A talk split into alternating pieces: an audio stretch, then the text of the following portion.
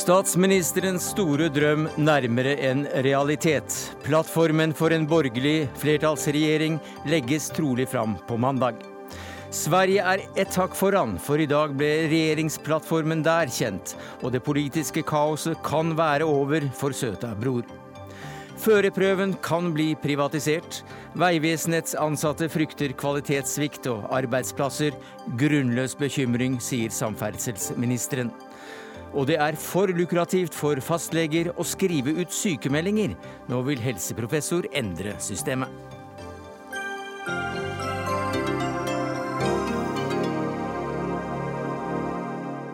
Ja, Det er noen av sakene i Dagsnytt 18 denne fredagen, der vi også skal snakke om Anne Kast Katt Vestli får den oppmerksomheten hun fortjener av Oslo kommune.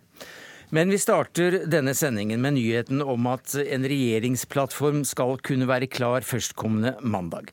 Partiorganisasjonene til Høyre, Frp, Venstre og KrF, som har sittet på Hadeland og forhandlet siden 2.1, er altså bedt om å være klare til innsats på mandag 14.1. Og det er det NRK som erfarer, som vi sier. Magnus Takvam, politisk kommentator i NRK. Hvordan tolker du dette at disse partiorganisasjonene skal være klare? Det er klart et eh, tegn på at de går helt mot eh, innspurten i forhandlingene om en plattform. Det er det ingen tvil om. Nå er det litt uh, tidlig å si uh, 100% om det blir mandag, tirsdag eller onsdag, får jeg høre. Men for sikkerhets skyld, for å kunne rekke fram i tide, så må de være klar til å kunne gjøre og behandle forslaget internt i disse partiene på mandag. Så får vi se om det blir mandag, tirsdag eller onsdag. Geir Ravnefjell, du er politisk redaktør i Dagbladet. Hva regner vi med blir enden på vise her når det gjelder innholdet i, i en slik plattform? Hvilken vei blåser vinden nå? Nei, Nå sitter de jo fortsatt og er uenige om mange av de viktige sakene. og det at det at man sier mandag nå, det er jo egentlig en, en utsettelse fordi man sa at man tidligst blir ferdig søndag. Og så blir det ikke søndag, så det blir tidligst mandag. Eh, så Det betyr at de sitter jo fortsatt og forhandler, og har, de har jo gått gjennom alle kapitlene. og de, som, de temaene som er særlig vanskelige, er jo selvfølgelig innvandring, klima. Eh, abortsaken er heller ikke løst, så de sitter fortsatt og, eh, og behandler disse tingene. Og I dag så hadde jo Aftenposten en sak for om at eh, Venstre er misfornøyd med at KrF gir dem for lite dragkamp i eh, det som er en ganske vanskelig sak for dem å få gjennomslag med klimasaken i eh, møte med Frp. Hvordan vet man dette? her? Er det rene lekkasjer? Ja, altså hva Det Aftenposten skriver, går ut fra at de har eh, fra personer som har vært innom forhandlerne og fanget opp noe av dette.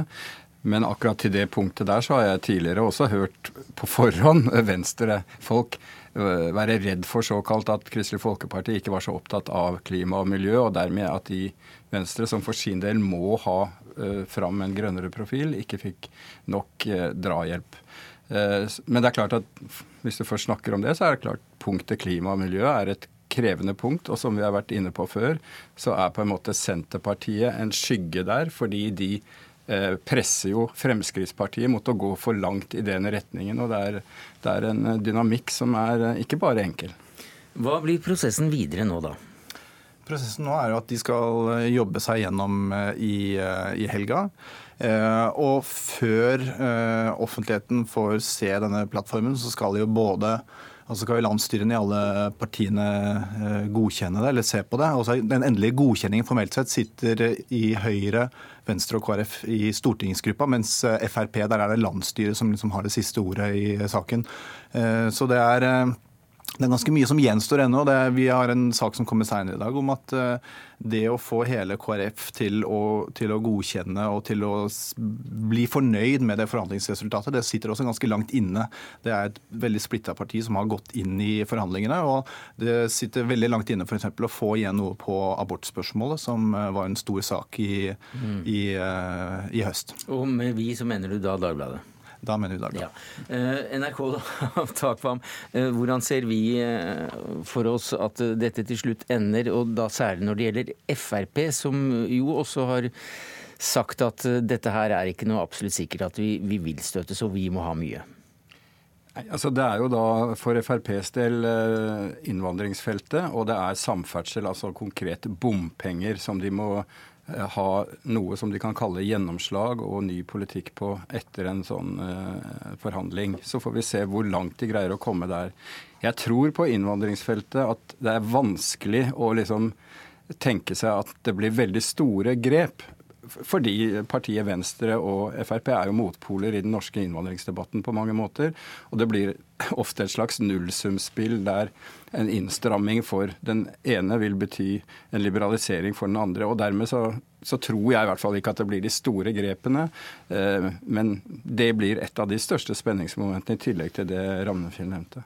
Jeg tror, også, jeg tror vel også at klimasaken, det at nå Venstre går ut igjen i lekkasjen i, i Aftenposten i dag og sier at de er misfornøyd med at KrF ikke gir dem nok drahjelp i forhandlingene, er et tegn på at de ønsker oppmerksomhet og press rundt det nå i, i sluttrunden av forhandlingene. For der har de jo 1,5-gradersrapporten fra i høst, Katowice-forhandlingene, og Erna Solberg som egentlig har gitt Venstre en seier i nyttårstalen allerede. Det blir mye oppmerksomhet nyttårstalen, etter nyttårstalen om at det måtte være en håndsrekning til KrF. Men der sa jo også Erna Solberg at man måtte stramme inn eh, klimapolitikken eh, neste år. Men så da midt oppi dette her, eller rett før, da, så kom eh, tidligere justisminister Per-Willy Amundsen ut med et utspill som egentlig går rett inn i disse temaene man forhandler om, nemlig barnetrygden. Eh, han vil redusere eller kutte helt ut barnetrygden fra og med unge fire. Dette for ikke å stimulere med statlige midler at innvandrere skal formere seg. Eh, hvordan leser du dette utspillet, Takvam? Altså jeg leser det som et soloutspill fra Per-Willy Amundsen. Eh, med andre ord, det er ikke et utspill som er koordinert internt i Fremskrittspartiet. Og eh, det er, det er, et oppsiktsvekkende utspill, rett og slett. Og timingen gjør det enda mer spesielt, vil jeg si. Så da jeg hørte om det i går, så tenkte jeg ok, er det, er det, den fløyen av Frp som ikke vil ha Kristelig Folkeparti med, og ikke utvide regjeringen med KrF, som nå er ute for å, for å lage trøbbel i innspurten? Det er liksom den typen, typen refleksjoner man lett kan få. Men det er altså eh, et soloutspill som som eh, ikke er på en måte inne i forhandlingene, for å si det slik. Nå, I forlengelse av det så, så er det jo noen som stiller, seg spørsmål, stiller spørsmålstegn ved hvor, hvor hardt Erna Solberg vil gå på stortingsrepresentantene for de ulike partiene for å ha en slags kadaverdisiplin, som jo noen eh, samlingsregjeringer, koalisjonsregjeringer, har prøvd på. Ja, og jeg, jeg, tror det er Siden dette da blir en flertallsregjering, og partiene dermed f.eks. KrF blir bundet av eh, en flertallsregjering og ikke spiller en mer fri rolle, så er nettopp den typen spørsmål noe av det mest spennende framover. Og det jeg har forstått, er at de har diskutert nettopp hvilken praksis skal de legge seg på der. Og der, der er det som blir sagt at man f.eks. ikke vil gå tilbake til en praksis som var da i Bondevik II-regjeringen, der eh, hver gang det kom en uttalelse som var litt skal vi si, illojal og kritisk mot regjeringen fra, fra en stortingsrepresentant i regjeringspartiene, så ringte liksom statsministerens kontor og kjeftet på vedkommende. Man vil derimot si at man tillater partiene å, komme med sine primærstandpunkter, som av og til kan eh, være i konflikt med regjeringens politikk, for såkalt å gi de lov til å drive politikkutvikling. Men det kan jo skjære seg helt også, så det, det, det er jeg spent på hvordan Men de greier. Men dette er en slags ventil? Ja, man må kunne se på det som en eh, ventil. Det som Erna Solberg har sagt, er at hun hun forventer at alle, alle, forslag fra regjeringen går igjennom i Stortinget. Altså sånn at Stemmegivningen i hvert fall blir i tråd med det regjeringen ønsker. ønsker. Men dette her er jo et soloutspill som på en måte beveger seg på, på siden parallelt med de forhandlingene. for da det går jo også på tvers av de signalene som Erna Solberg ga i nyttårstalen, med at hun ønsket å støtte for å få flere, flere barn. Og hvis man eh, fjerner eh, støtten til de som får flere barn, så blir det jo ikke flere barn. Går det mot en flertallsregjering? Det er jeg nokså overbevist om. Eh, og eh, om den da blir i løpet av neste uke eh, utnevnt nye statsråder, det kan, det kan man ikke utelukke. Det, det, ser faktisk slik ut. Hva tror du, Geir Ramnefjell? Ja, det er alt som tyder på det. Altså, de gjorde nok unna ganske mye i sonderingene allerede mm. før uh, nyttår. Og nå har de hatt dag to etter at Erna Solberg var tilbake fra India en tur. Mm. Uh, og allerede varsler at de er sånn cirka på, på tidsskjema. Så det, det, virker helt klart sånn. Takk skal du ha, Geir Ramnefjell, politisk redaktør i Dagbladet, og til deg, Magnus Takvang, politisk kommentator i NRK.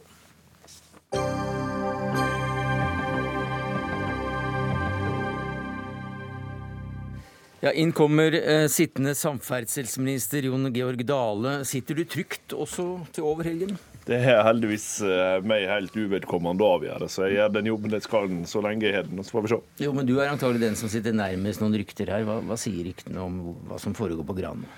Nei, det sier veldig lite om det, i hvert fall som jeg har tenkt å gjenta i studio. Så vi får vente og se hva som kommer ut av forhandlingene. Etter titalls kjøretimer, glattkjøring, mørkekjøring og teoriprøven, så har mange av oss tatt turen til en offentlig trafikkstasjon for å ta den endelige kjøreprøven. Denne oppkjøringen, øh, førerprøven, den vurderes da av en statlig ansatt sensor. Men dette kan endre seg nå, for førerprøven kan bli privatisert. Veidirektoratet utreder nemlig en rekke tjenester i Vegvesenet for privatisering. Og Inger Sigridnes, du er leder av fagforbundet NTL Veg, og dette bekymrer deg. Hvorfor det? Ja, Det bekymrer meg veldig. Men la meg først si at jeg er glad for at statsråden har gitt Vegvesenet de oppdraget å vurdere det det er tross alt i alle fall en vesentlig bedre løsning enn at han bare blanko har vedtatt privatisering uten å undersøke nærmere hos Men hva er det som bekymrer deg? Det som bekymrer meg, er jo det at uh, vi har jo nå en situasjon der uh, de aller fleste uh, trafikk, altså kjøreskolene de har jo sagt tydelig at de er ikke interessert i det, de oppdraget. Mange av dem de kan jo for så vidt snakke for seg sjøl, men de de iallfall har uttalt til oss, er jo at eh, de opplever allerede å stå litt i spagaten. Elever hevder at de er ferdig utlært og ved på oppkjøring, og kjørelærer mener at de ikke er klar for det. De presser seg fram og vil til oppkjøring, og de møter til oppkjøring. Eh, og dersom kjørelærerne sjøl skulle ha ansvaret for den kan du si, kvalitetssikringa som sensorene i dag tar, og ikke minst tar støyten for, når de da må stryke. Den støyten opplever kjørelærerne at de nødig vil stå i. Vi hadde jo f.eks. en situasjon i Arendal for kort tid tilbake hvor det gikk rykter om, og det etablerte seg myter om, en sensor som var helt umulig. Han strøyk alle, ble det hevda. De kalte han strykejernet. Lokale medier omtalte han som strykejernet.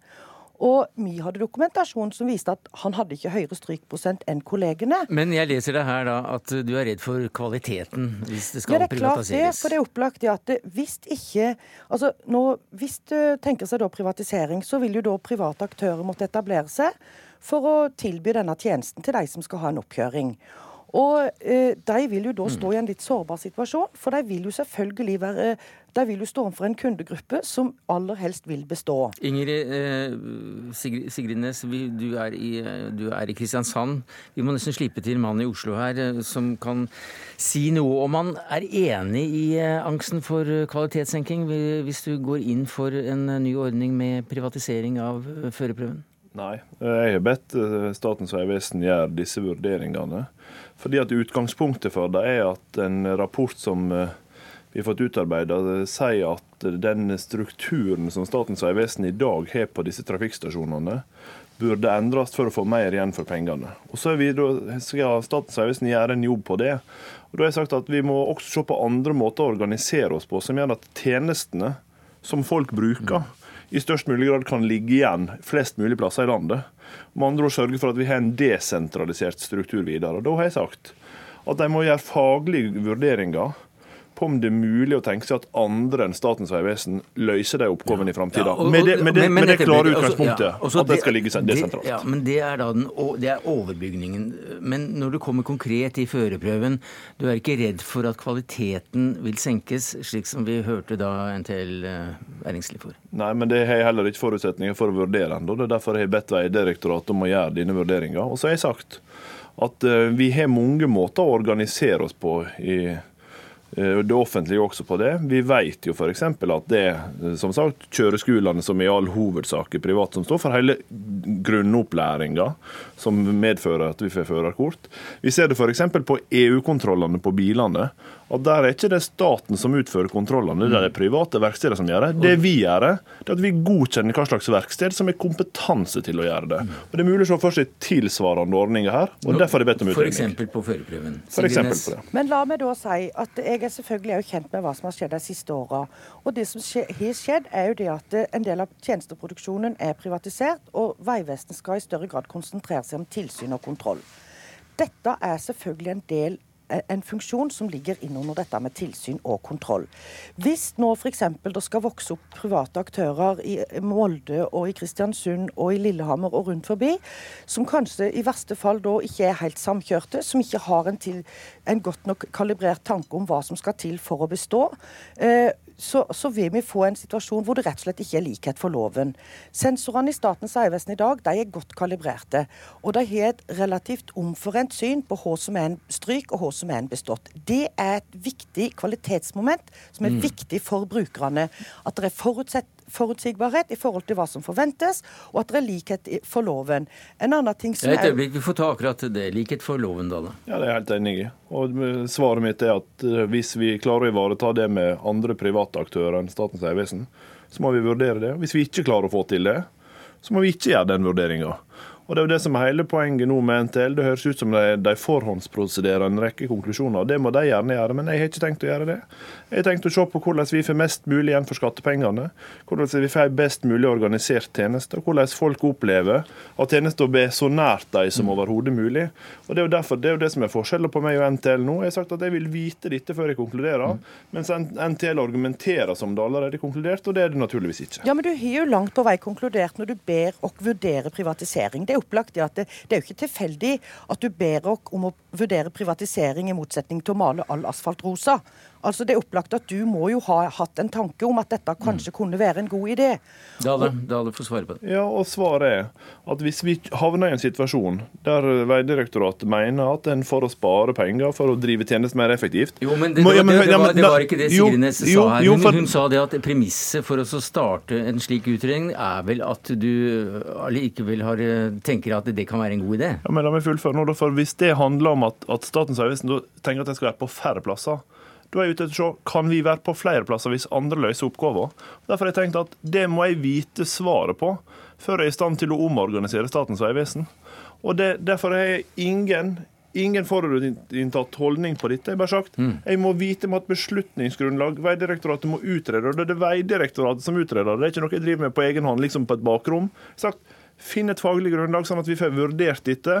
For det er jeg i sum opptatt av, det er å bruke mm. skattebetalernes penger effektivt, ja. og sørge for at vi er til stede i hele landet. Mm. Og det har du fått sagt. Men tror du på dette, Sigrid Nes, at eh, det er en helt åpen vurdering ut ifra bare å samle kunnskap? Nei, jeg er jo redd for at statsråden har eh, et ønske om privatisering, så sant de lar seg gjøre på, eh, på, tilsvarende kvalitetsnivå. Men jeg har veldig store problemer med å tro at de lar seg gjøre på den måten. Jeg kan nevne et par eksempler. Eh, det er jo slik at eh, alle ruter som benyttes for oppkjøring, de er forhåndsgjennomgått. Eh, og det er opplagt at du må ha en form for et bysenter for å gjennomføre en kvalitetssikra oppkjøring. Det er jo ikke tilfeldig at sensorene ikke driver oppkjøring i f.eks. mi lille, men gilde heimbygd Åmli. Det er jo fordi at trafikkgrunnlaget og den komplekse trafikksituasjonen ikke er til stede der. Mm. Så det med å, at vi skal ha sensorer ut til enhver bygd. Det kommer vi aldri til å ha. Og det kommer det heller ikke til å være marked for for de som skal drive med dette. Husk at en kjøreskole, en gjennomsnittlig kunde hos en kjøreskole, de har kanskje si 30 kjøretimer. En gjennomsnittlig kunde hos en oppkjøringsaktør skal ha én mm. time. Det er opplagt at dette markedet blir veldig smalt. Mm. Våre sensorer i dag opererer veldig fleksibelt. Når det er kø i, på oppkjøring i Drammen, så rykker det sensorer fra Arendal og Kristiansand og Skien til Drammen og tar unna køene. Vi opererer veldig fleksibelt. Sigrid Nes, jeg må nesten avbryte der og stille et siste spørsmål eh, til eh, samferdselsministeren. Altså, det, det, er vel anbud vi snakker om, og den billigste tilbyderen eh, skal vel da dra det lengste strået hvis alt annet er likt. Og, og, og vi har sett debatten på Sørlandsbanen etc. etc. Er du ikke redd for kvaliteten når man skal spare penger her? Nei, for utgangspunktet er at det som Statens vegvesen vurderer, det er en annen struktur enn det de har i dag. Det betyr færre plasser å operere disse tjenestene på enn det kundene er vant med i dag. Og da sier jeg hvis det finnes andre private alternativ som kan gjøre det mer effektivt, billigere, og vi kan fortsatt være til stede over hele landet. Så det er bra mm. for alle som skal ta sertifikatet. Og Derfor har jeg satt i gang en utredning. Takk skal du ha, Jon Georg Dale, samferdselsminister fra Frp, og til deg, Inger Sigridnes, leder i Fagforbundet NTL.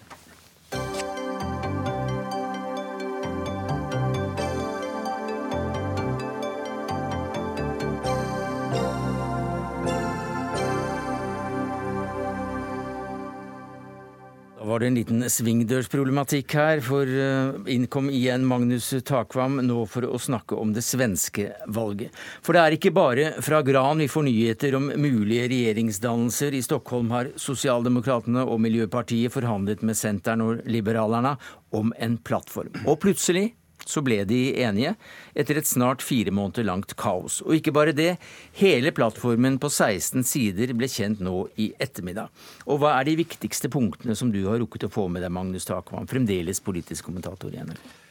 Ja, Det er jo bortimot 70 punkter her, så eh, det er eh, en litt lang eh, liste å dra. Men jeg vil jo bare aller først poengtere at dersom det går slik det nå ser ut, at vi får en regjering, sosialdemokratisk regjering med støtte av disse to sentrumspartiene, så er det en historisk mm. eh, hendelse. Det er altså slik at den borgerlige eh, alliansen da blir splittet, og det har på en måte avfødt jeg vil ikke si raseri, men veldig sterke kommentarer fra Moderatenes leder Ulf Kristersson og Kristendemokratenes leder Ebba Busch Thor på pressekonferanser i løpet av denne, denne, kvelden. Så det er nå bare for å ha, ha sagt det aller først. Altså Det som har skjedd, er at Sosialdemokratene har måttet gå svært langt til høyre i eh, sin politikk for å få eh, aksept fra disse mm. to sentrumspartiene på skattepolitikk, på arbeidsmarkedspolitikk eh, og på eh, flere andre områder. Ja, Hvem er vinnere og hvem er tapere med denne plattformen? Elisabeth Sandlund, du er lederskribent i den svenske avisen Dagen. Ja, som det ser ut när man läser den här, det här dokumentet som ju är väldigt utförligt så, så är ju Centerpartiet och även i viss mån Liberalerna de stora vinnarna och Socialdemokraterna har varit tvungna, att backa i väldigt många frågor. Och ett parti som definitivt är stor förlorare är ju Vänsterpartiet som ju har stöttat eh, den rödgröna regeringen under den, den gångna mandatperioden och, och som nu då där det uttryckligen sägs att Vänsterpartiet ska inte ha något som helst inflytande över svensk politik i fortsättningen. Och en av deras hjärtefrågor som handlar om att, att och helst helt förbjuda eh, privata aktörer, vinster i välfärden.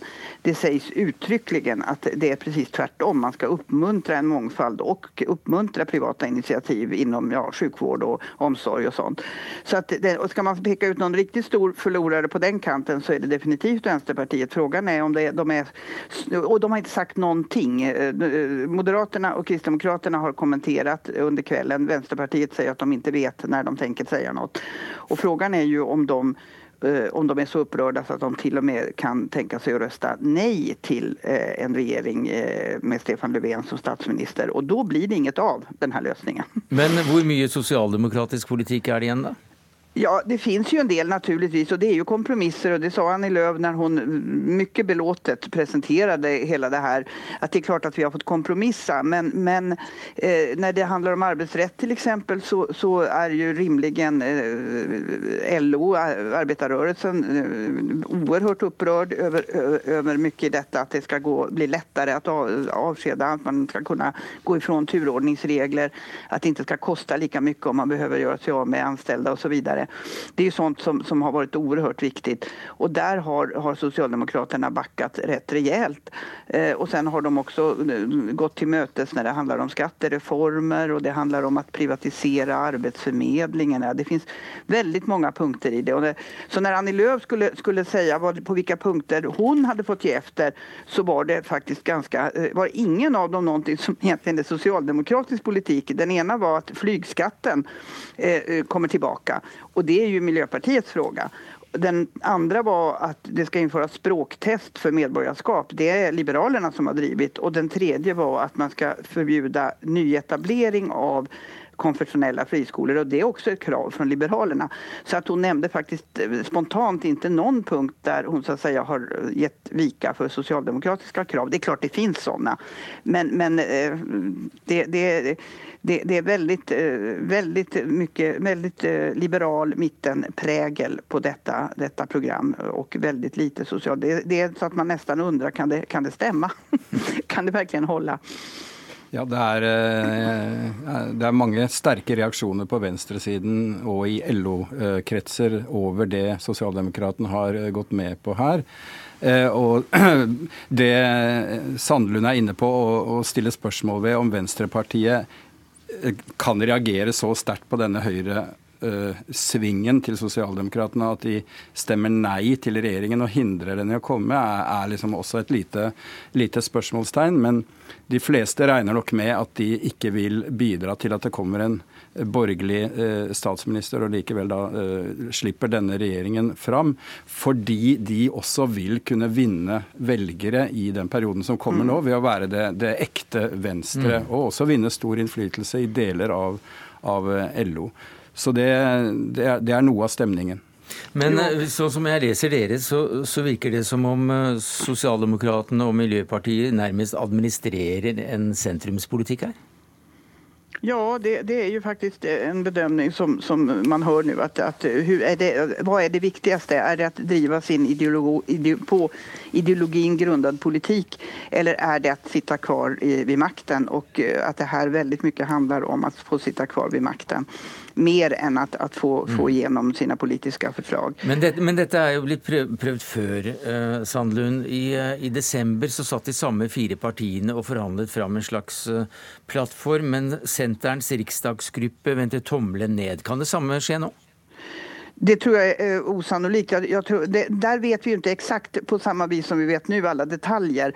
Jeg, jag tror at, att, det som skjedde da er en förutsättning for det som har hänt nå. Nämligen at, att Stefan Löfven og Socialdemokraterna insåg at her måste vi, vill vi sitte kvar ved makten måste vi gå veldig, veldig langt. Og det har de også vært beredda å gjøre.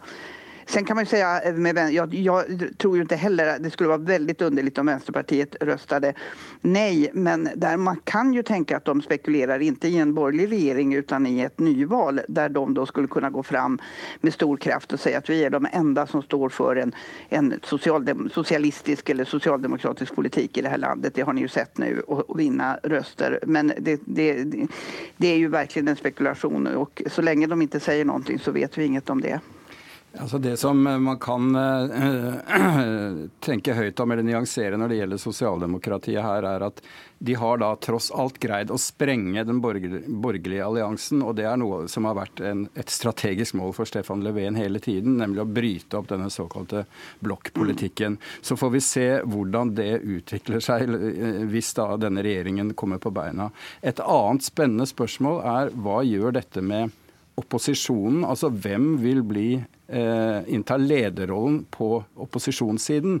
Eh, Moderatenes partileder eh, avviste gang på gang på pressekonferansen i dag at han ville gå i en slags skal vi si, konservativ fløy mm. sammen med Sverigedemokraterna, slik, slik Sverigedemokraterna ønsker. Men hvem av de to partiene vil bli det ledende opposisjonspartiet, og hvor sterke vil Sverigedemokraterna bli? Det er også et spennende mm. spørsmål. Så dramaet fortsetter. Men blir det ny regjering nå, Sandstrøm? Alltså nu, nu, jag har ju då tidigare sagt att jag inte alls utesluter att det faktiskt skulle bli ett nyval. Jag, jag tänker ändå att det här Eh, om man räknar på det. Och det, det, är ju så att vad som behövs i, i riksdagen är ju inte att en majoritet stöder en regering utan det behövs att en majoritet inte avvisar en, en regering. Och, och, jag tror ju att vi får, vi får, en, en, en vi får en fortsatt rödgrön regering med socialdemokrater och miljöpartister så länge det nu varar. Eh, och sen får vi, det, er är ju väldigt många olika kontrollstationer i det här dokumentet. Det ska, saker ska genomföras vid bestämda tidpunkter. Samtidigt vet vi ju att ibland går det inte som man har tänkt sig här i världen. Det, vi kan få lågkonjunktur som kullkastar väldigt mycket av planerna. Och det kan komma många lägen under den här mandatperioden när man faktiskt säger att det här mm. höll inte. Så att någon garanti för att det håller ända fram till, till nästa ordinarie val, det finns ju faktiskt inte. Tack ska du Elisabeth Sandlund, ledarskribent i den svenska avisen Dagen, och till dig Magnus Takvam, politisk kommentator i NRK.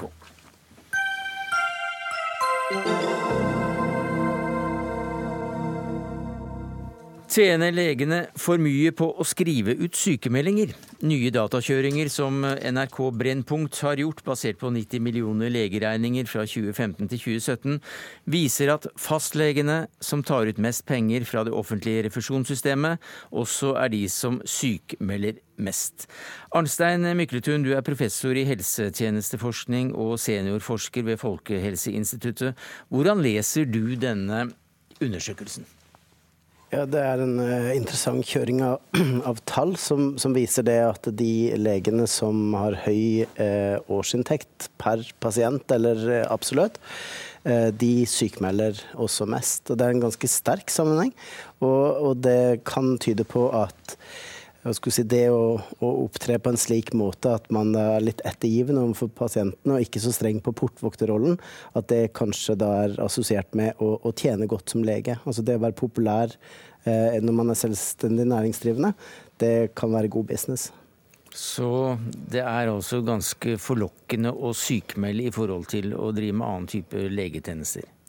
Ja, akkurat det å sykemelde følger det med en liten takst for, men den er ganske beskjeden. Så det er nok ikke selve taksten for sykemeldingsarbeidet som gjør dette. Det er nok mer den underliggende tendensen til å, å være si, litt ettergivende for det som, som, pasienten ønsker. Og vi kan selv tenke oss at Hvis man kommer et sted og betaler litt og bruker tid på å gå til legen, um, så er det jo kjekt å få noe igjen for det. og Hvis hensikten med besøket var å få en sykemelding, så vil man jo helst ha det. og Man føler seg kanskje litt avvist og mm. dårlig behandlet hvis man ikke får det.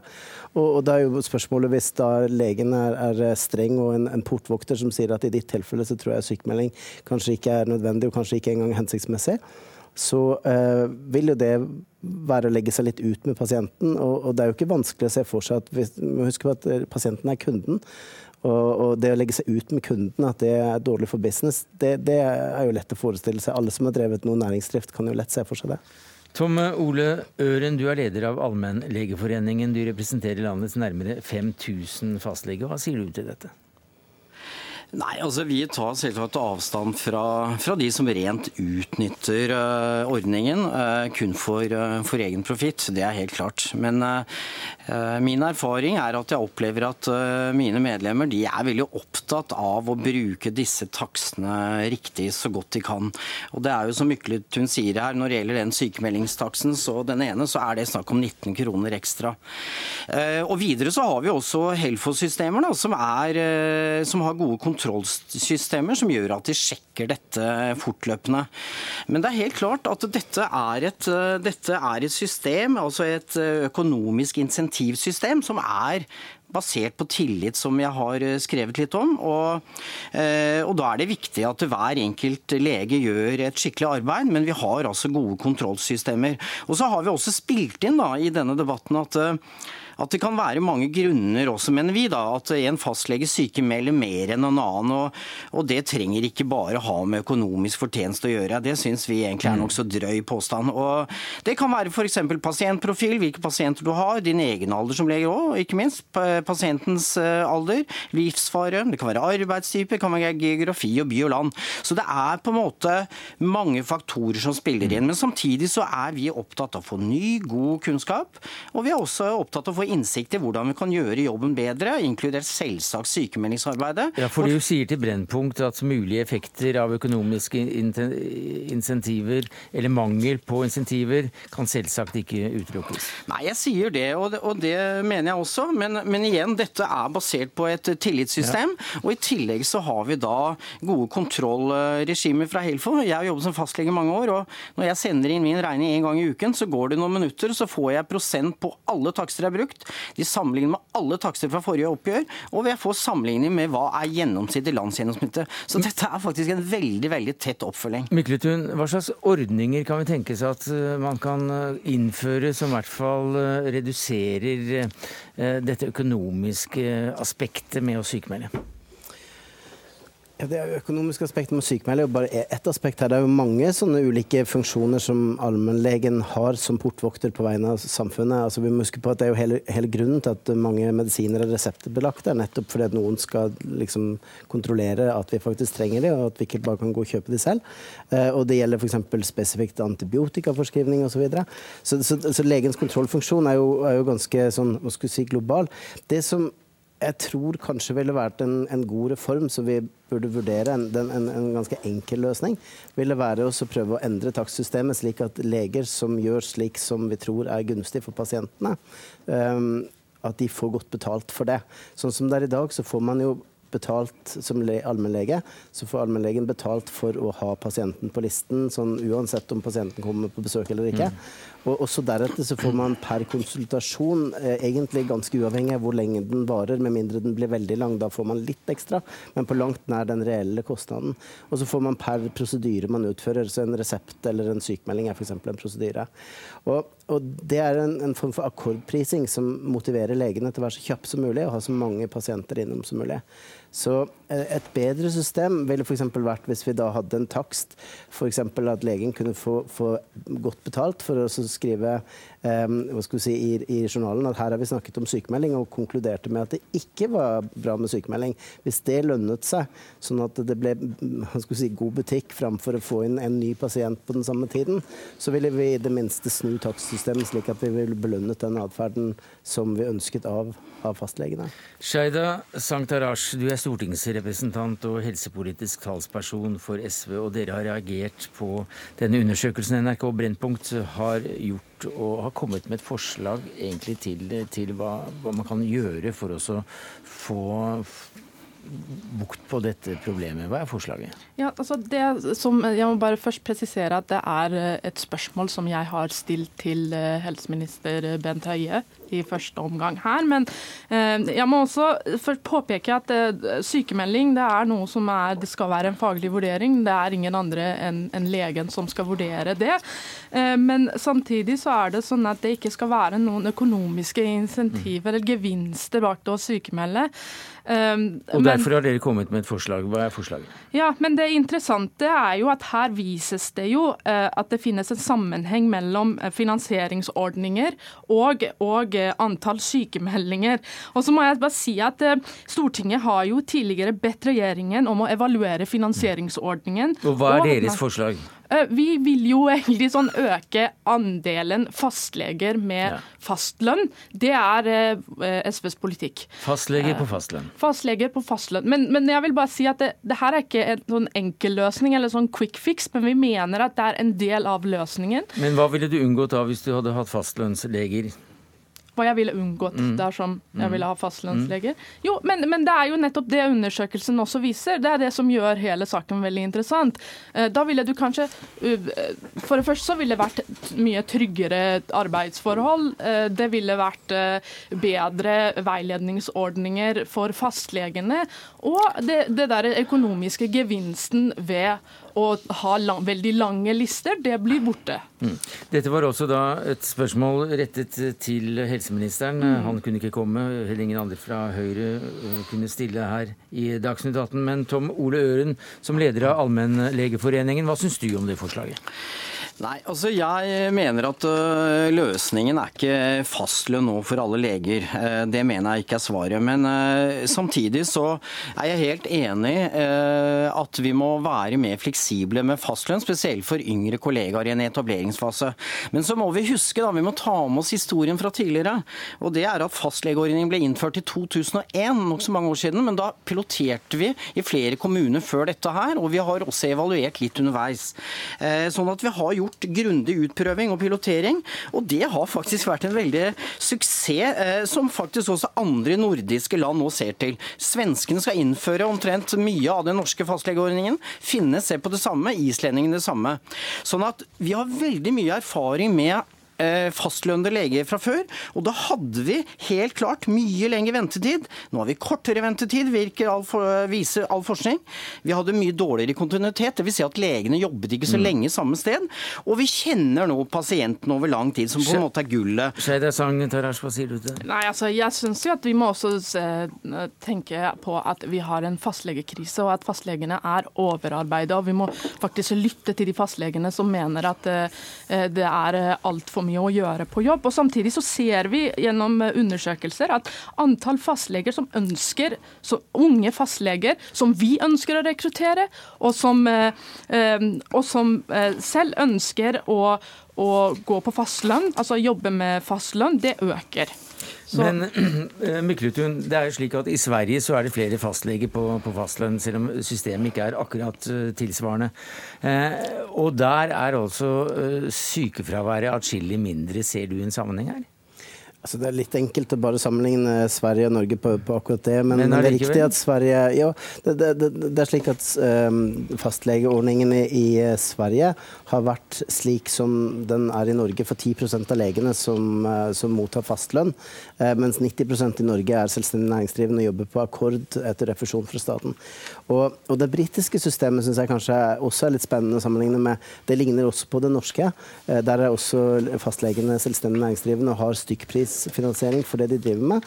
Men der har man dreid takstsystemet slik at man da er litt mer kreativ enn å bare eh, si, betale per konsultasjon og per prosedyre, men at man også legger inn eh, spesifikk betaling for si, litt mer tidkrevende ting, sånn som å forebygge ting eller å, å ha vanskelige og lange samtaler med pasientene. For penger teller her.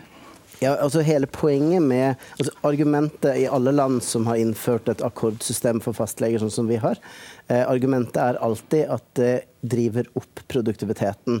Da definert som antall pasienter man, man, ser, og antall prosedyrer som blir utført. Og det er helt riktig at da går også ventetiden ned. Men vi må huske på at hvis vi påvirker legene ved økonomiske insentiver, så det er jo en medisin som har bivirkninger. Og, det, den bivirkningen kan f.eks. være at, eh, at vi, Flere blir sykemeldt? Si, ja, at, eller sagt litt mer generelt, da. At alt som tar litt tid i form av vanskelige samtaler med pasientene, er noe mm. legen da ikke får godt betalt for. Og da, hvis legen er litt tilbøyelig til å bli motivert av det som lønner seg økonomisk, og noen er det, så, så vil vi da få hva skal si, en dreining av, av, legens prioriteringer mot det som er kjapt og enkelt. Mm. Og det er f.eks. mye kjappere å, å si ja til en sykemelding. og sende pasientene ut, enn å ha en lang og vanskelig samtale om hva som egentlig er det underliggende problemet. Takk skal du ha, Arnstein Mykletun. Du er professor i helsetjenesteforskning og jobber ved Folkehelseinstituttet. Shaida Sangara, Sang Sangtarash, yes. ja. stortingsrepresentant, helsepolitisk talsperson i SV. Og til deg i Tønsberg, Tom Ole Øren, leder av Allmennlegeforeningen.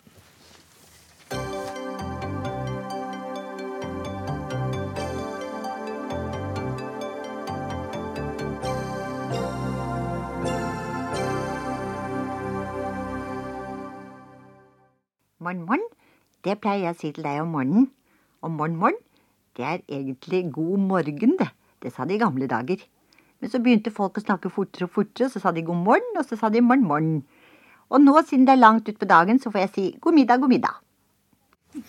Husker du den, Kristin Storhusen, du er journalist i Aftenposten? Nei, det gjør jeg ikke. Nei, for du er for ung. Ja, jeg er for ung. For uh, nå i uh, neste år så hadde Anne-Kat. Vestli fylt uh, 100 år, og i forbindelse med det så, så kommer riktignok en familiepark og et museum for å hedre henne, men, men det kommer i Lyngdal. Mm. Og du mener at, at Oslo kommune godt kunne ha kjent sin besøkelsestid vel så mye.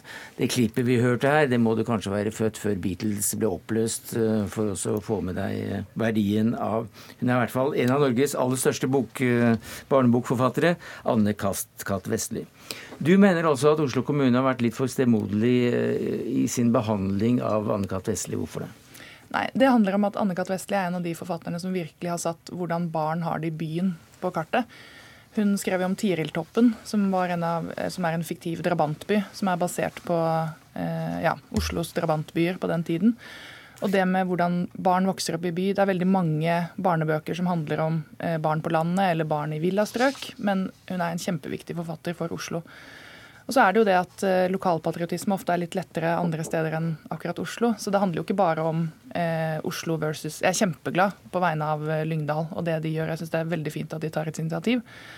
Men eh, det at Lyngdal tar et initiativ, betyr jo ikke at ikke Oslo også kan gjøre det. F.eks. i Sverige så finnes det Astrid, Astrid Lindgrens Verd i Vimmerby, som ligger et godt stykke, et typisk sted hvor man drar på ferie. Og I tillegg så er det Junibakken, som ligger midt i Stockholm, som er et barnebokmuseum og et aktivitetssenter. Og Det er noe sånt jeg håper at Oslo kunne hatt. Hvor da? I Oslo. Jeg synes, eh, altså Bøhler syns jeg er et veldig godt forslag. Der bodde hun i kunstnerboligene. Og Der ligger det allerede en svømmehall og et bibliotek, så det kunne vært sånn perfekt. Jeg er jo småbarnsmor selv, så jeg har veldig lyst til å kunne reise på en søndagsutflukt i tillegg til å reise til Sørlandet. Eh, ellers så er det jo mange praktbygg som står tomme nå. Da er det f.eks. Lokomotivverkstedet i Middelalderparken. Det står mm. tomt nå i påvente av et eller annet. Men Prøysensenteret ligger altså på Ringsaker, i nærheten av Prøysenstua, der Prøysen vokste opp. Garborgsenteret ligger på Bryne, der han bodde. Hamsunsenteret på Hamarøy.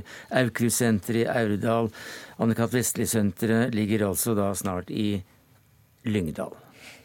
Um, hvorfor ikke i uh, Oslo, uh, der du er med å styre, Rina Mariann Hansen? Jeg tror vel grunnen til det er at dette er et privat initiativ med private penger. Eh, og enn så lenge, og kanskje aldri, så, noe, så, kommer det nok ikke til å bli sånn at det offentlige bestemmer hvor private vil bruke sine penger. Men allikevel, også, også når sånn, du hører lista over hvor sånn, disse sentrene sånn, ligger, kan ikke du som jo. byråd for kultur, idrett og frivillighet i Oslo gjøre noe med det? Vi har jo også, Mange av oss reiser jo også til Kristiansand for å besøke Dyreparken, hvor det er mye Torbjørn Egner, som jo også er en veldig eh, Helt definitivt en Oslo-forfatter. Oslo kommune eh, pleier ikke å bygge opplevelsessentre eller nye museer. Det ja, Kåre Mommebyen er jo ikke Oslo. Nei, men Torbjørn Egner var en Oslo-forfatter. Jo, men han eh, skrev ikke så mye om Oslo som uh, Det er helt riktig. Det er helt riktig. Men Oslo kommune uh, har jo ikke så for vane å bygge opplevelsessentre eller nye museer så veldig ofte. Vi drifter jo Munch-museet og Vigeland-museet, i tillegg til Vigelandparken selvfølgelig. Men jeg hilser alle private initiativ som kommer på det her velkommen. Og så tenker jeg at vi som by har jo store muligheter nettopp i 2020, når det nye hovedbiblioteket vårt åpner, på nettopp Anne-Kat. Vestlis plass 1. Sånn at en markering eh, tenker jeg at vi burde få til i byen. Storhusen.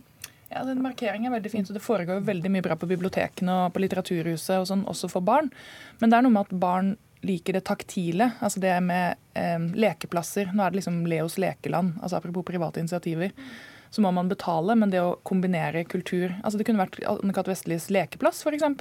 I nærheten av en furuskog så kunne man plukket seg sin egen knert. Det trenger jo mm. Ja, det, Å plukke sin egen eh, knert gjør vel både, ja, dine, både dine, dine, og mine barn. Eh, men eh, jeg er positiv til at vi eh, markerer Anne-Kat. Vestli. Det er jo derfor også at vi har bestemt at plassen foran det nye hovedbiblioteket skal være nettopp med hennes navn. Eh, og så tror jeg ikke vi kommer til å bygge noen nye museer, for det er mm. veldig veldig kostbart. Eh, men jeg er veldig åpen for alle som ønsker å ta initiativ for dette her. Fordi vi ønsker å legge til rette for enda bedre kulturtilbud for barn og unge i vår by. Men la oss ta det på en annen måte, da. Synes du, uh, Rina Mariann Hansen, som byråd for kultur, idrett og frivillighet i Oslo, at vi gjør stas nok på våre store barnebokforfattere? i Oslo? I Oslo. Jeg syns at med å navnsette endelig en plass etter Anne-Kat. Vestli, nettopp foran det nye hovedbiblioteket vårt, så har vi i hvert fall beveget oss et langt skritt videre eh, sammenligna med hvor vi var før. Eh, og så vil jeg veldig gjerne snakke med alle som har gode ideer, for det er også sånn at vi kan bidra økonomisk, selv om ikke vi har hovedansvaret. Mm. Jo Vestli, du er sønnen til Anne-Kat. Vestli, mangeårig medarbeider her i NRK for øvrig også. Og du er eh, involvert i prosjekt, prosjektet i Lyngdal. Kan du fortelle litt om det?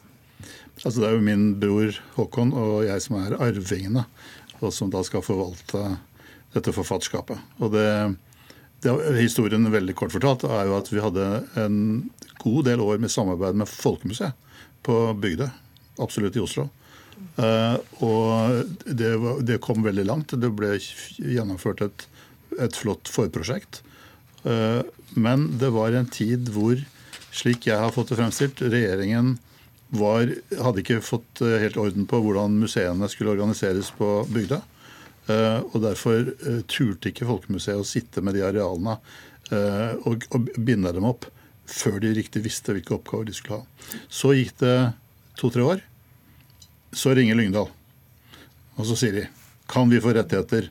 Den gangen det de spurte etter, var om de kunne få rettigheter til å bruke Knerten som grunnlag for en familiepark. Knerten var ny som filmstjerne i Norge, så det var ikke så unaturlig. Så har det gått en periode hvor vi har modnet dette, og så sier vi at Knerten det blir litt tynt. Vi, vi lar hele forfatterskapet bli eksponert mm. i Lyngdal. Og så kan du si hvorfor Lyngdal? Jo, Lyngdal fordi der viste det seg å være krefter som hadde styrke, vilje og gjennomføringsevne. Fantastiske folk der nede.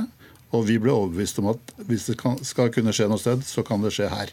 Fordi at folk var entusiastiske og flinke og hadde pågangsmot etc., som du sier. Men det gjaldt også da ikke folk i Oslo? Jo, for som måte. jeg sa, det var jo et veldig seriøst og fint prosjekt. Jo, men det strandet jo. Hva sa du? Men det strandet jo. Det strandet jo på, mm. han har sagt, på et plan som lå høyt over ja. prosjektet. Skulle du ønske at det kunne blitt eh, folkemuseet hvis du skulle velge helt fritt? Det hadde vært et utmerket mm. prosjekt det, er, det, ville vært et helt annet prosjekt enn det som kommer i Lyngdal. fordi der bruker man naturen. Hansen? Ja, jeg, eh, kjenner jo ikke akkurat denne delen av historien, og det er jo en god stund før jeg eh, overtok ansvar for dette området. Og så vidt jeg veit var vel ikke Oslo kommune heller involvert i det arbeidet. Men, men når men, Lyngdal, når, når, men, når Vesle her sier at det, det skyldes jo pågangsmot og flinke folk etc. i Lyngdal Og så skyldes det nok også penger. Ja, jo, men uh, Ofte er det penger som skal til for å lage nye ting. Jeg har Lyngdal så mye mer penger enn Oslo kommune? Nei, det er vel sånn at det er verdt Dette må jo ja, han selv svare Dette er et spleiselag. Ja. Mm. Altså, du kan si eh, Alle nabokommunene går inn i dette prosjektet. Fylkeskommunen gjør det, og staten, Stortinget, eh, har gjort spesielle bevilgninger. Ja, så det er ikke Lyngdal kommune alene som driver og så styrer dette her? Og det, og, men kunne ikke Oslo også, kommune vidt, hatt en sånn modell? Og så vidt jeg forstår, har det også vært en, noen private penger inne jo. i bånn. Ja, og det er jo ofte Desidert. det som jo, men Kunne ikke du ha skaffet noen private penger, da? Eh, for å være helt ærlig så prøver vi hele tiden også på private bidrag til kulturen i Oslo. Men det skal også sies at sånn som det er, så er det jo ofte vanskeligere også å få penger over statsbudsjettet til ting som er i Oslo. Mm. Det tror jeg eh, ikke er en hemmelighet.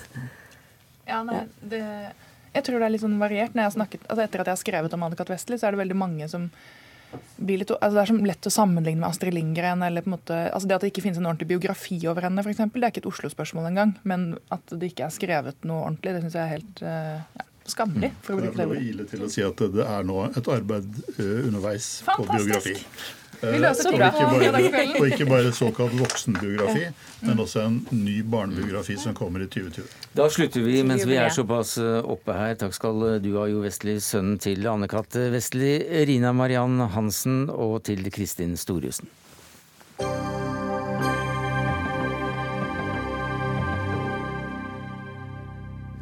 I kjølvannet av den antatte bortføringen av Anne-Elisabeth Falkevik Hagen er det ny fart i debatten om det som kalles kryptovaluta. Gjerningsmennene vil som kjent eh, ha betalt i kryptovalutaen Monero. Og i Nyhetsmorgen så hørte vi deg si i dag, Espen Siernes, at kryptovalutaen Monero bør forbys. Du er førsteamanuensis i finans ved Universitetet i Oslo, Hvor, i Tromsø. Hvorfor bør Monero forbys? Nei, Det er jo en kryptovaluta som uh, ikke er sporbar. Sånn at uh, du kan f.eks. Uh, kjøpe uh, bitcoin med den, og så kan du da selge disse moneroene igjen, og så vil det ikke være noe link til mellom kjøper og selger. Så det er en enkel måte å, flytte penger på uten at det etterlater noe spor til Eh, verken politi eller myndigheter. Så derfor bør akkurat denne kryptovalutaen forbys. Men hva med andre kryptovalutaer, da? Nei, altså eh, De fleste kryptovalutaer er jo bygga opp på en lignende måte som eh, bitcoin. Og der er det jo en offentlig tilgjengelig spor, så du, kan, du, du vet hvor alle transaksjoner ender. Eh, men det er klart, det kan være, bli problematisk å f.eks. For forby transaksjoner mellom norske kroner og Monero. Det er ikke sikkert at det hjelper hvis du kan gå veien om bitcoin. Så Eh, det kan hende at, eh, at, det også vil få konsekvenser for andre kryptovaluta. Gjermund Hagesæter, du er kommunikasjonssjef eh, i Kryptovolt, et selskap som leier ut lokaler til ulike kryptovalutaaktører. Hvorfor er det en dårlig idé å forby Monero og eventuelt andre ikke-sporbare kryptovalutaer? Jeg vil få si at Kryptovolt er et datasenterbedrift som leier ut til ulike aktører, men det er også noen som driver innenfor blokkjein og kryptovaluta. Jeg tror ikke et nasjonalt eh, forbud i Norge vil ha noen ting eh, å si i hele tatt. Eh, jeg tror ikke det vil ha noe hensikt, og man oppnår ingenting med det. Det som derimot bør på plass, det er en omfattende regulering av ulike kryptovaluta. Der vet jeg at EU er allerede i gang. Det arbeidet bør Norge henge seg på, slik at man får regulert dette markedet på en god måte. Det tror jeg vil avdekke mange ting. Og så er det helt helt riktig dette der at eh, de fleste kryptovalutaene de er sporbare, de er transparente. Bitcoin, som er den største, er sporbar og transparent. Det samme er Ethereum. Og så har man altså noen som Monero, Zcash og Bitcoin, eh, som eh, ikke sporbare, eller i hvert fall vanskelig sporbare. Eh, men jeg tror ikke det at det å forby all, altså de som ikke er sporbare, er noen løsning. Eh, de aller fleste, Det er enda flere kriminelle som bruker kontanter. Eh, og Det er ikke sporbart i hele tatt. Men man kan altså ikke forby kontanter fordi det er noen kriminelle som benytter det. Silnes? Ja, altså Potensialet for eh, kryptovaluta er jo åpenbart eh, mye mye større enn for eh, kontanter. Kontanter har fysiske begrensninger og, og, problemer. og Det er jo derfor også politiet ønsker jo ikke å, at man slutter med kontanter, nettopp fordi at det viser seg at det hjelper dem etterforskningsmessig. Så at det er ganske stor forskjell på potensialet for kriminalitet og skatteunndragelse når det gjelder kontanter i forhold til eh, kryptovaluta. Man kan jo bare se på liksom noen som har sett denne filmen uh, Wolf of Wall Street, så, så, vil man se hvilke problemer kontanter kan, eh, kan, medføre. Og så er det jo helt opplagt at det nytter ikke med et nasjonalt forbud, det er jeg selvfølgelig helt enig i. Det, hvis man skal ha et forbud, så må det være internasjonalt enighet om det. Da. Men Hagesæter, på, på mange virker det jo rart at det er lovlig å benytte seg av en betalingsform som ikke er sporbar i det hele tatt. Så hvorfor ikke bare forby den? Altså Kontanter er jo heller ikke sporbar, og det er jo lovlig. Og det er jo, har vi lang tradisjon på. Det er jo det som har vært grunnlaget for eh, vår bruk av penger. Eh, og så har man da selvfølgelig noen negative sider ved at man i kidnappingssaker ofte bruker kontanter og løsepenger. Eh, det er veldig liten, vanskelig å se at dette har noen begrensninger. Man kan ha store kontantbeholdninger som, som kan da flytte hender blant kriminelle. Mm. Ja, kjøper du det argumentet i, i Tromsø, Sines, at eh, det er det samme som kontanter? Altså Kontanter kan heller ikke spores? Nei, det, det, det, det, er mange problemer med kontanter for, for kriminelle. altså Ikke minst uh, i dag. Mye mer enn en tidligere. Hva er problemet da? Hva er problemet da ja, for eksempel så vekker det jo veldig stor oppsikt hvis du bruker kontanter, for det er nesten ingen som gjør det. Altså Det er eldre mennesker, uh, og, uh, og, da er det ofte mindre beløp. Sant? Så det, er veldig opplagt at kontanter blir mindre og mindre egnet. Kontanter er et lovlig betalingsmiddel i Norge. og hvis Man da kan, man kan gå inn i en butikk og man kan kjøpe folk med kontanter. og I utlandet så er kontanter enda mer vanlige enn det er i Norge. Ja, men Det er fortsatt uh, store begrensninger. Det er det veldig åpenbart at uh, Elektronisk så er det jo absolutt ingen begrensning. Da er det ingen forskjell på å overføre uh, 1000 kroner eller 50 millioner kroner. Det er ikke noe vanskeligere. Eller, ja. Men, men eh, altså, det som er jo poenget her er jo det at EU nå starter med en regulering av kryptovaluta. og Det er jo et arbeid som jeg mener Norge bør delta i og henge seg på, slik at man får regulert eh, kryptovalutaene. Og eh, Dette er jo eh, et område som er kommet ganske eh, på kort tid, dette med kryptovaluta, og det er veldig liten kunnskap om mm. det. Både i finansielle, økonomiske miljø og spesielt spesielt på Stortinget. På Stortinget har man mange som tror det at eh, bitcoin heller ikke er sporbar. Det er jo fullstendig feil. Så jeg tror det at det å regulere dette, det er det første skrittet man bør gjøre. Og så må man ta det derifra. Og denne reguleringa den bør være internasjonal. Eh, man kan ikke sette i gang et arbeid i Norge. Dette være, hvis dette skal ha noe for seg, eh, så må det være et bredt mm. internasjonalt samarbeid for å få dette til du sier også at det er eh, lite eh, kunnskap om dette på Stortinget, og deg lytter vi til, for at du har vel sittet der for ja. Fremskrittspartiet. Men eh, når vi kommer da til, til, denne, til denne, valutaen, hvorfor ikke forby hele, hele bitcoin og alt sammen? Og nå må du svare i løpet av ti sekunder. Ja, altså, dette med blokkjedeteknologi og kryptovaluta det er en ny, spennende teknologi som kan bety store, revolusjonerende endringer på mange måter. Bitcoin og, og kryptovaluta og blokkjedeteknologi kan bety mm. like mye de neste 30 årene, eh, som, eller de neste 20 årene som internett har gjort de foregående 20 årene. Takk skal du ha, Gjermund Hagesæter. Takk til Espen Sines. Eh, sendinga er slutt. Ansvarlig for det hele var Jaran Ree Mikkelsen. Teknisk ansvarlig var Finn Lie. Jeg heter Sverre Tom. Vi høres mandag.